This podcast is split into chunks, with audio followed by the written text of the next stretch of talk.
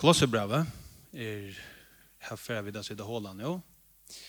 Og det er faktisk 1900 og trus par sjøene at en vever sitter aller helst i Rom og i fangselig skriver et brev.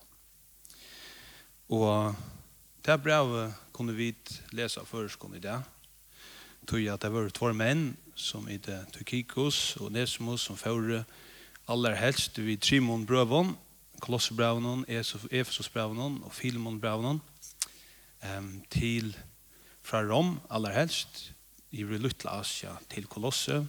Og av en noen her så leverer der aller helst Efesusbrauet og så fer der vujere og en 100 og 100 km, 120 km estretter til en Lutland by som heter Kolosse. Og det er um, brevet som vi får at uh, tjøkningenga um, i hest. Og det er hendan samkomman som vi leser oss om i film om brevnen at samkomman kolosse møttest i husen om tja filmen. Aller helst. Så her er det tvei brøv som er kommet til samme boi, Kolossebrevet og Filmonbrevet. Og det er avhverst at, um, at uh, lesa bæg i Efesosbrevet, Kolossebrevet, Filmonsbrevet, og suttja um, særlig um, Efesersbrev og Kolossbrev og suttja sammanheng og suttja um, hvordan det er lujtjast. Um, ja, jeg husker ikke at vi først så sett djeva vid konteksten og gjør bok som vi leser, så vil jeg bakgrunn um, sånn eksalt at teksten mister sina kraft.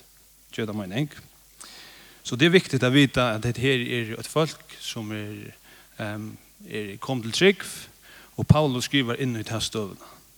Och stövan hon är inte som vi såg på ett nu här som um, här som samkommer vara att det har sett elda samkombyggningar och kristen runt i hemmen och har förfyllt.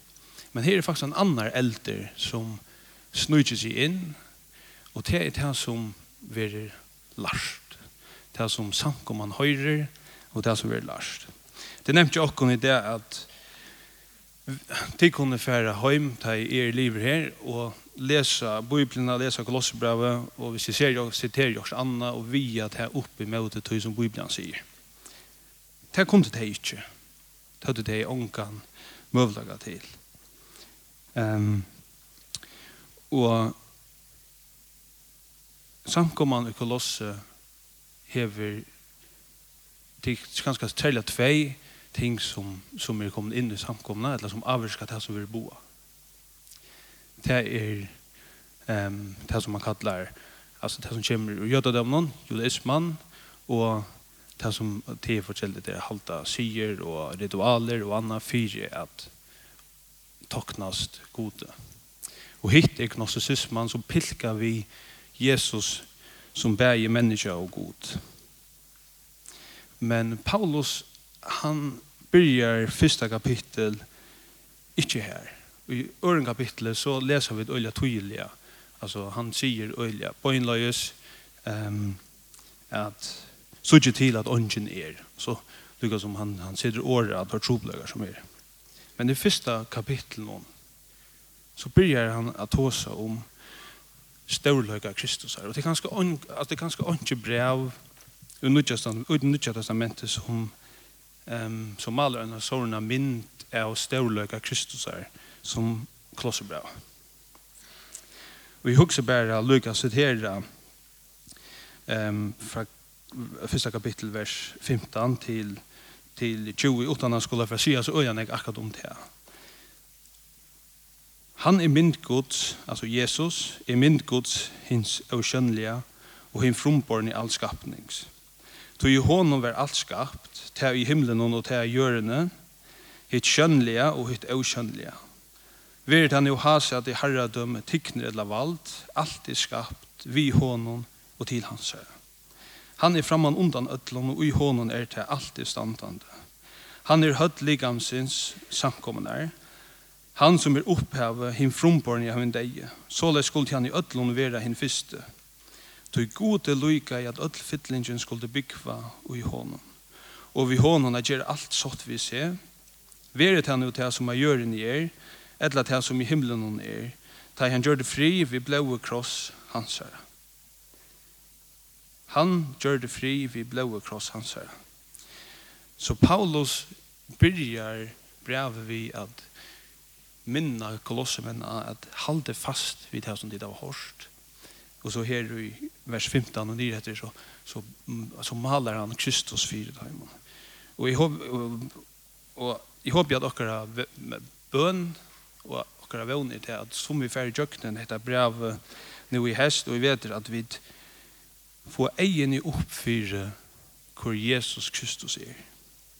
At det blir ikke lagt av træt, til som apostlene er tåset å si om han, og det blir ikke um, tidlig fra. Um,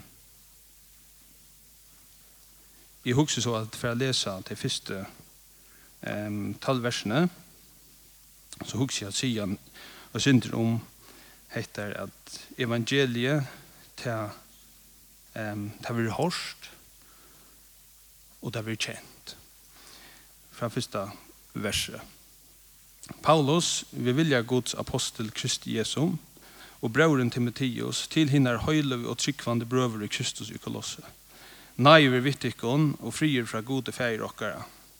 Vi takkar gode feir herre okkara Jesu Krist alltid hei vi bia fyrtikon. Toi, vi har hørst om tryggvtikkara av Kristus Jesus og kærløygan um, og i ditt heva til høytlinn i. Fyre vevnar innar skuld, som tikkon er gømt i himmelen og som tid fra man undan hava hørst om vi åre sannløygans og i evangelien som kom jeg til tikkere så til øsne er i ødland høymenon, og ber avvøkst og vekser, som jeg tikkon fra du det jeg ditt hørte til av sånnen, hørte til, og av sånnen lærte jeg kjenne nøye gods. Hitt samme her var det jo øsne lærte av Epafrase, hinnan elskar i okkara, som tjener samme vi tikkon, okkon, og er tryggver tjener Kristus er fyrir tikkon. Honon som øsne hever sagt okkon fra kærløyga tikkara og i andanon. Fra du det vi hørte det, har vi ikke helt jo pæda bia fyrir tikkun og bøn om at tid skulle, vi kunska, at tid skulle fytlast vi kunnskap om vilja hansara, vi ötlun visdom og andalion vite, til at liva herran hon verdia, som hon og lykare atlan hatt, og vi kunnskap om god bera avvøkst, veksa vi ötlun gauun verstje, og styrstjast vi atlar styrstje etter kraftur der hansara, til alt tål og lengmøy. Så tid vi glede takka färgen og så gör jag kom før for jeg får parst i arvalote henne høylagra vill jag sen någon som röj var kom fra valde myskursen så flott jag inn og och röj älskar jag såna så. Og i hånden har vi endeløsing, endelösningarna fyrirgeving syndarna. Kolosser var ikke en samkomma som Paulus hei sett av stån vi øynene av hans her, um, tro på nærferd. Paulus hei aller helst ikke sett deg det er de aller helst heller ikke hørst, sier Paulus, og ikke hørst han. Men Ebafras er jo veri aller helst i Efesus, og han er hørst evangeliet, og så fer han atter til Kolosse, og nå var noen folk bliven gripende av båskapen. God hei åpenbæra seg fire dem. Og det er faktisk hettar som jeg har hukset om um, faktisk i nægra manar. til er hettar her, at evangeliet kommer til Kolosse, så sender det her, um, som kommer til tikkere, altså evangeliet, og så da øysen er i Øtland Høymen hånd, så sender det her, og blir avvøkst og vekser. Blir avvøkst og vekser. Som ikke tikkum fra til det jeg ditt hørte til, og av sånn hun lærte jeg kjenne nei gods. Og inni hessa støvna skriver så Paulus for at trykker seg at kolossemenn menn um, eller samkomman i Kolosse um, stå av til ratta grunnvøtlen til det kommer til frelsene. Han sier at alt annet som kommer inn um, øyer ikke at forvirra. Og det er lukka som underskilt i første kapitlen at det er akkurat dette som vi kom inn. At det er forvirringer kom inn og folk er i ørskimleie. Og det er ikke på grunn av altså, edsøkt rundt likamliga, men det är några tankar som Paulus faktiskt slett inte säger som några rikdom, och en filosofi, och några lärdomar som har snukt sig in och pilkat vid det som apostlarna, det som Paulus säger om hur Jesus Kristus är, och att det är bara, bara frälsa i hans namn. Vi kunde i det huxa öliga om det som händer runt om oss, och vi kunde känna oss utryck Og vi kunne kanskje dyrka det øyla nekk for å ta seg om den utrykka høymen som er rundt om oss, men vi kjenner oss trygg i Kristus. Men hoksa vi lykka nekk om um, altså det som det tøtningar mykla ui her som det som vi lærer, det som vi lærer okra bøtt, det som vi sier okra bøtt, det som samkomman lærer.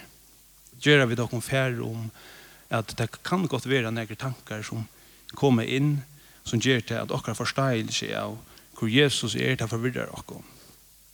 Tog at vi huksa lusta mer etter tog som kommer ærestand fra en affæra til um, kjeldene, kjeldan som um, det som vi skriver, så at sier Jesus, at det ber seg vi noen. Ja, det kan godt være at vi vita nega mer i det. Det kan godt være at vi har opparbeid, opparbeid enn vitan og okkar intellektuell er lukka som kanskje um, vi ödlen utbyggving og ödlen vi er bedre lærde det enn det, men vi, vi tåsar slett ikke om hæsa dimensjonene. Vi tåsar slett ikke om evangeliet som nega som vi kunne vi at inntega en av vitan eller vi kunne lære okkon og såløyes lukka krøvene for å få en frelse. Vi kunne heller ikke gjøre noe. Det kunne være interessante tankar her og her. Men hva er det som heter her er, som heter evangeliet er, nage gods? Det er god, han vil ikke gjøre alt. Um, han vil ikke gjøre, og Jesus leser vidt, um, gjør han alt sånt vi ser. Og det er bare i Jesus og Kristus at vi kunne komme til god. Vi hører ofte om um, opplevingar og om eh, og om, om det som vi da er færre og det som vi da ser og drømt. Men det er evangeliet som Paulus sier at klossemenn skulle halda fast vi. Og han sier ikke ringt om, om det, om at vi forhold vi god, at han åpenberer seg fyrir, og det er ikke vi, vi at hvordan god kommunikerer vi så folk gir. Men det er evangelier heter. De høyrer det, og de kjenner nøye gods. Og kjenner vi nøye gods. Det er noe som vi høyrer, det er noe som vi kjenner. Det er det evangeliet og hva jeg føler, og hva du føler. Evangeliet er å kjenne nøye gods. Det bryr ikke vi hvordan jeg og du føler oss. Det bryr vi hvor god det er, at han har skapt alt. Han helder alt oppe ved sinne i hånd. Og han innskjer at åpenbæra seg fire til og med.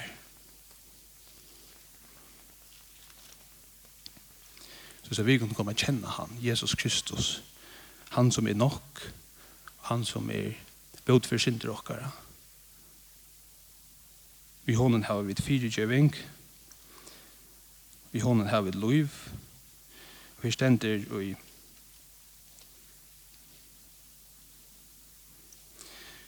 i vers 22 i samme kapittel, visse kapittel, at det tar vil veldig god kunngjera hvordan rykte dårte er er mittelen høytningarna hetta løndarmal som er Kristus uttikken ved om dårdarna. Han kunngjera vidt. Vi kunja Kristus.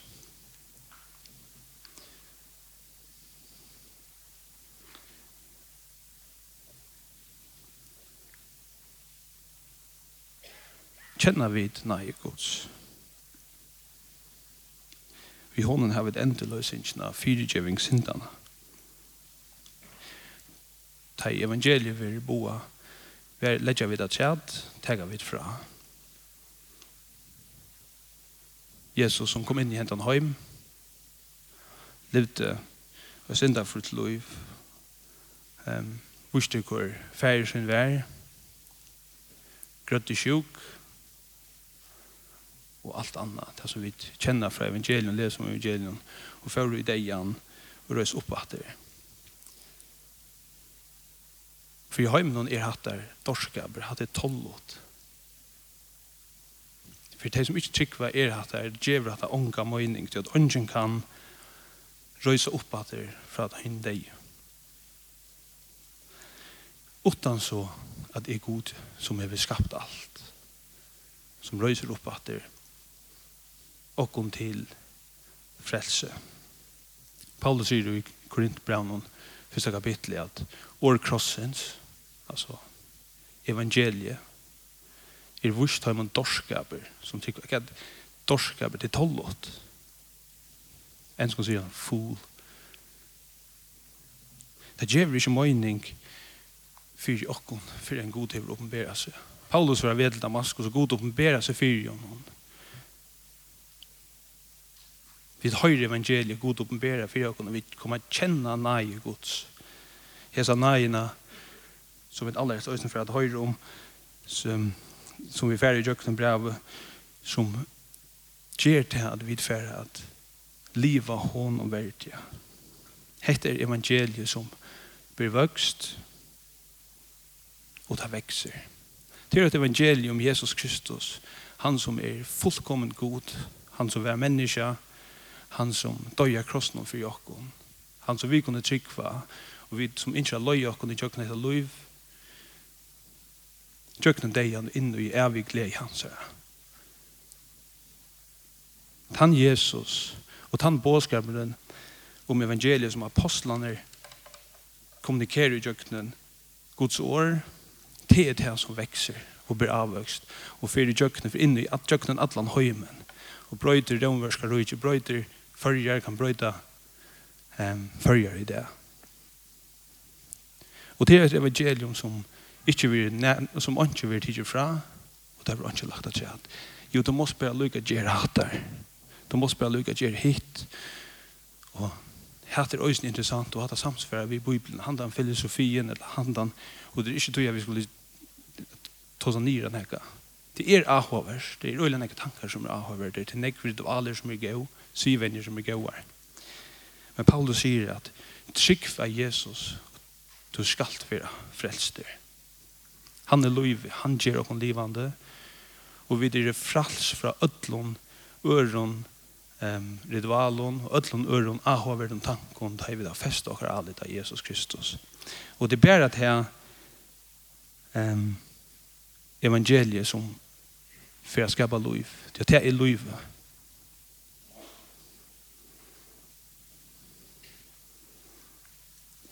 Så stender fra kapitlet vers 9. Fra det det jeg vil hørte det, her var vi ikke helt hildi opp av bia fire tikkun og bøn om at tid skulle fytlas ved kunnskap om vilja hansara. Vi öllum vysdom i andalin vite, til å liva herran og verdja, som hon og loikar atlan hot, stelt her, og vi kunnskap noen om god bera avvøkst, veksa og i öllum gavun verkje. Nå er at det er avvøkst her. Alltså evangeliet, att det vill tala så är det som apostlarna kunnkör evangeliet, tala evangeliet. Så för det att det blir avvuxet. Och det är samma och David och så för Paulus som han fokuserar på ståliga Kristus är här som brev och som att åkra vitan om Jesus Kristus växer mer och mer så får vi att liva åkra liv och liv honom verkar og bæra avvøkst og veksa i ötlom gauon verskje. Ikkje som vi leser vers 21 at og som Øysten som øyne for å gjøre henne fremmand og være fortjent der av sinna leie er det en motsetning til andre litt vidt og være fortjender av sinna leie og i hinnon øndeverskon. Her er nek anna, her er jo ötlom gauon verskon, her er et andre litt vidt. i mån til et um, futsjender av sinne sinnaleie og noen øndversk. Så hanker dette saman. Paulus um, Jeg halde til eise at det som Paulus ikke mest av ødlom underskilt i første kapittel i alle tortropløkene som det er helt konkrete til hektar at ferie atter til kjeldene leset her som apostlene skriver vi om Jesus Kristus hvor han er, evangeliet om han at evangeliet er god tøyender det er et god vise velvilde med de menneskene som er oppe på båret og vi er oppe på båret. Vi har vise nei og så inne med dere og vi kunne få komme i et samfunn av han.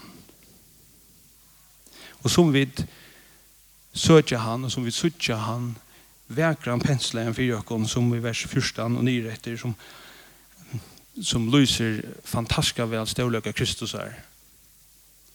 Og det er sikkert en yrking eller en sanger. Jeg vet ikke at det er det virker utenfor en rom. Um, så er det som at akkurat fokus vil Jesus Kristus. og vi får att i um, gåan verskon. og akkurat liv um, for at vera som er herran og verdet, at liva herran og verdet. Det er utøy påskap noen at liv er å finne. Og vrætje alt anna som kommer utanfra og som røyner at pilka vi okkara fætan av hva evangelier så pilka vi okkara fætan av hvor Jesus Kristus vær. Ja, vi kunne godt vi kjenner til at båskapen om Jesus Kristus um, er tolvåter der vi tok seg bedre om det som vi suttje og kunne nema vi. Men det er ikke noe som det er ikke noe som vi kunne tilåke noen vi hadde tega noe tilåke og så gjerne være um, og så gjerne være gautisjen av gode. Men det er god som åpenberer seg fyrir oss og fyrir mer og til og vi kommer kjenne nei god så vi høyre henne vi kjenner henne. Kristendommen er ikke en kjensla hos er to føler okken vi det. Jesus Kristus er heller ikke um, noe som vi skulle kjenslelige hava og i forhold til. Og nå må jeg ikke til at her videre tryggvann, så her får vi kjensle sjående vi tilby han. Men kristendomen er at høyre evangeliet og kjenne nøye gods. Og ta ut her så er hent, så ja, så producerade en tillbyan som Paulus skriver. Paulus skriver till Bodje knöm han lytter händerna upp och tillbyr Herre Jesus. Till att han är ändlös i cancer.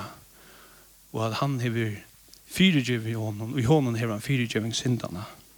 Han som allt har skapt. Som allt är till vi. Han som helder ödlon uppe vid sina äckna hånd. Paulus skriver att han är vår tjänare samkomnar. Och vad ger han? Hva for metoder brukar han? Till fullnar av kunder årgods. Löntarmalle som hever vært dult fra upp här vi allra tog og atta. Men nu är vår åpenbæra hinnen høyla vi hans höra. Tog tajm må väldigt god kunder og så rukte dår det er i mittlen. Hötningarna, hetta löntarmal som är Kristus og i tikkun vem dår där her. Han kunne at hit. ta vit vil amene. Han kunne at hit. ta jeg vil amene kvart menneske og lære kvørst menneske av øtlom vysdomme. Fyrir jeg kunne løye kvørst menneske fram fullkom i Kristus. Fyrir hette arbeid i øsne og struje vi kraft hans som veldig virkar i meg. Paulus, her som han kommer, han kjever dem om det som blir avvokst Evangeliet om Herren Jesus og det vaks i um, vittlom format. Hva gjør jeg og to? Hva gjør vi som samkommer?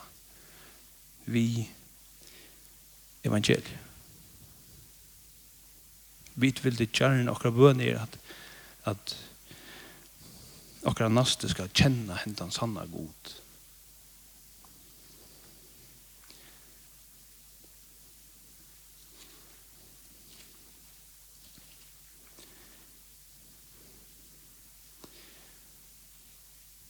skrivaren i Hebreerbrevet han nevner ehm at han kommer ju i amning som er ehm um,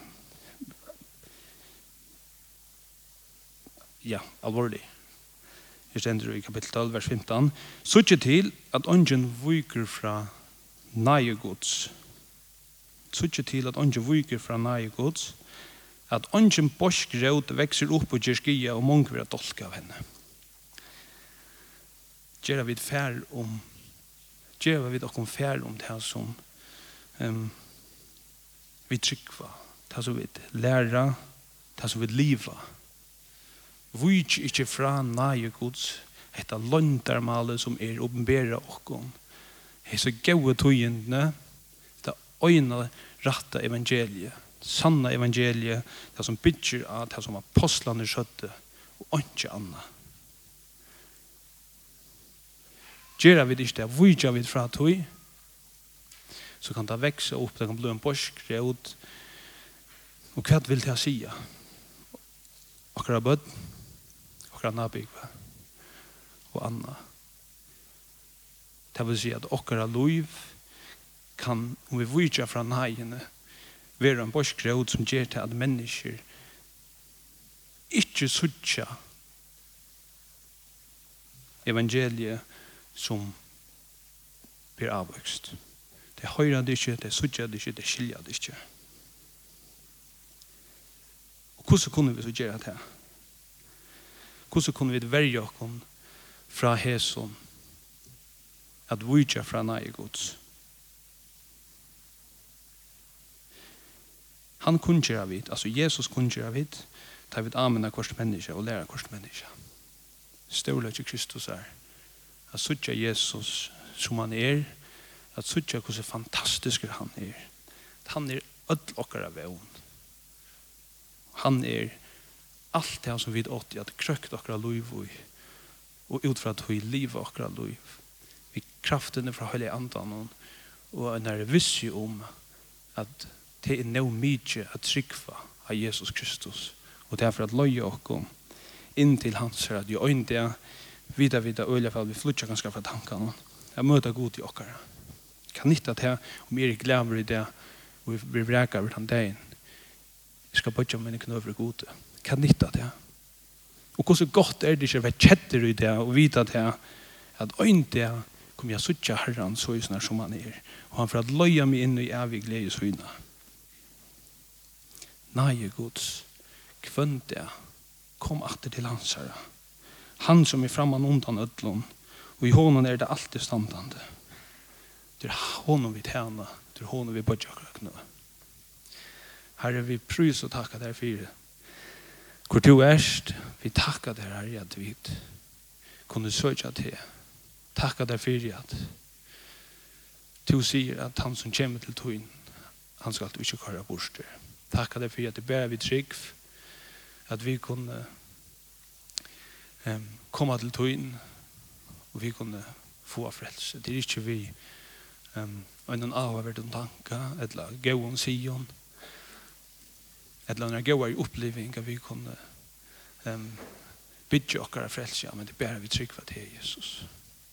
Men så takkar vi der øsne for at du innskjer fytle okkara lov i glede, og vi frie, og vi ødlen tusen du hever, du innskjer bruk okkon, og vi vitt om format ut vi at vi skulle fære ut igjen den høyen vi er sånn evangelien som um, ber avvøkst et evangelie som samsfærer da vi leser det jøkken alt nødja testamentet unger to erst at to ønsker at frelsa mennesker herre åpenbæra det til fire jokken, og herre led dere og just um, så ikke alle verden i her som hva er det som vi høyre tog av tog som vi høyra kom vi da kjenne.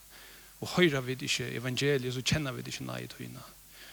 Og vi byr om herre at som vi fer jøknen kolossebravet, at du skal vise oss hvor du er, Jesus.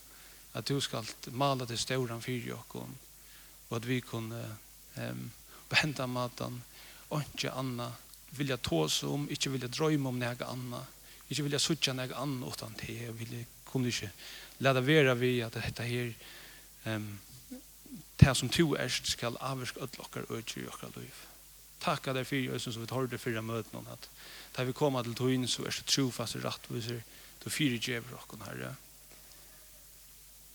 Og du rønser okken herre hjelp okken å vente okken til tøyen um, det er jo daglig herre da ber vi jo om tøyen navnet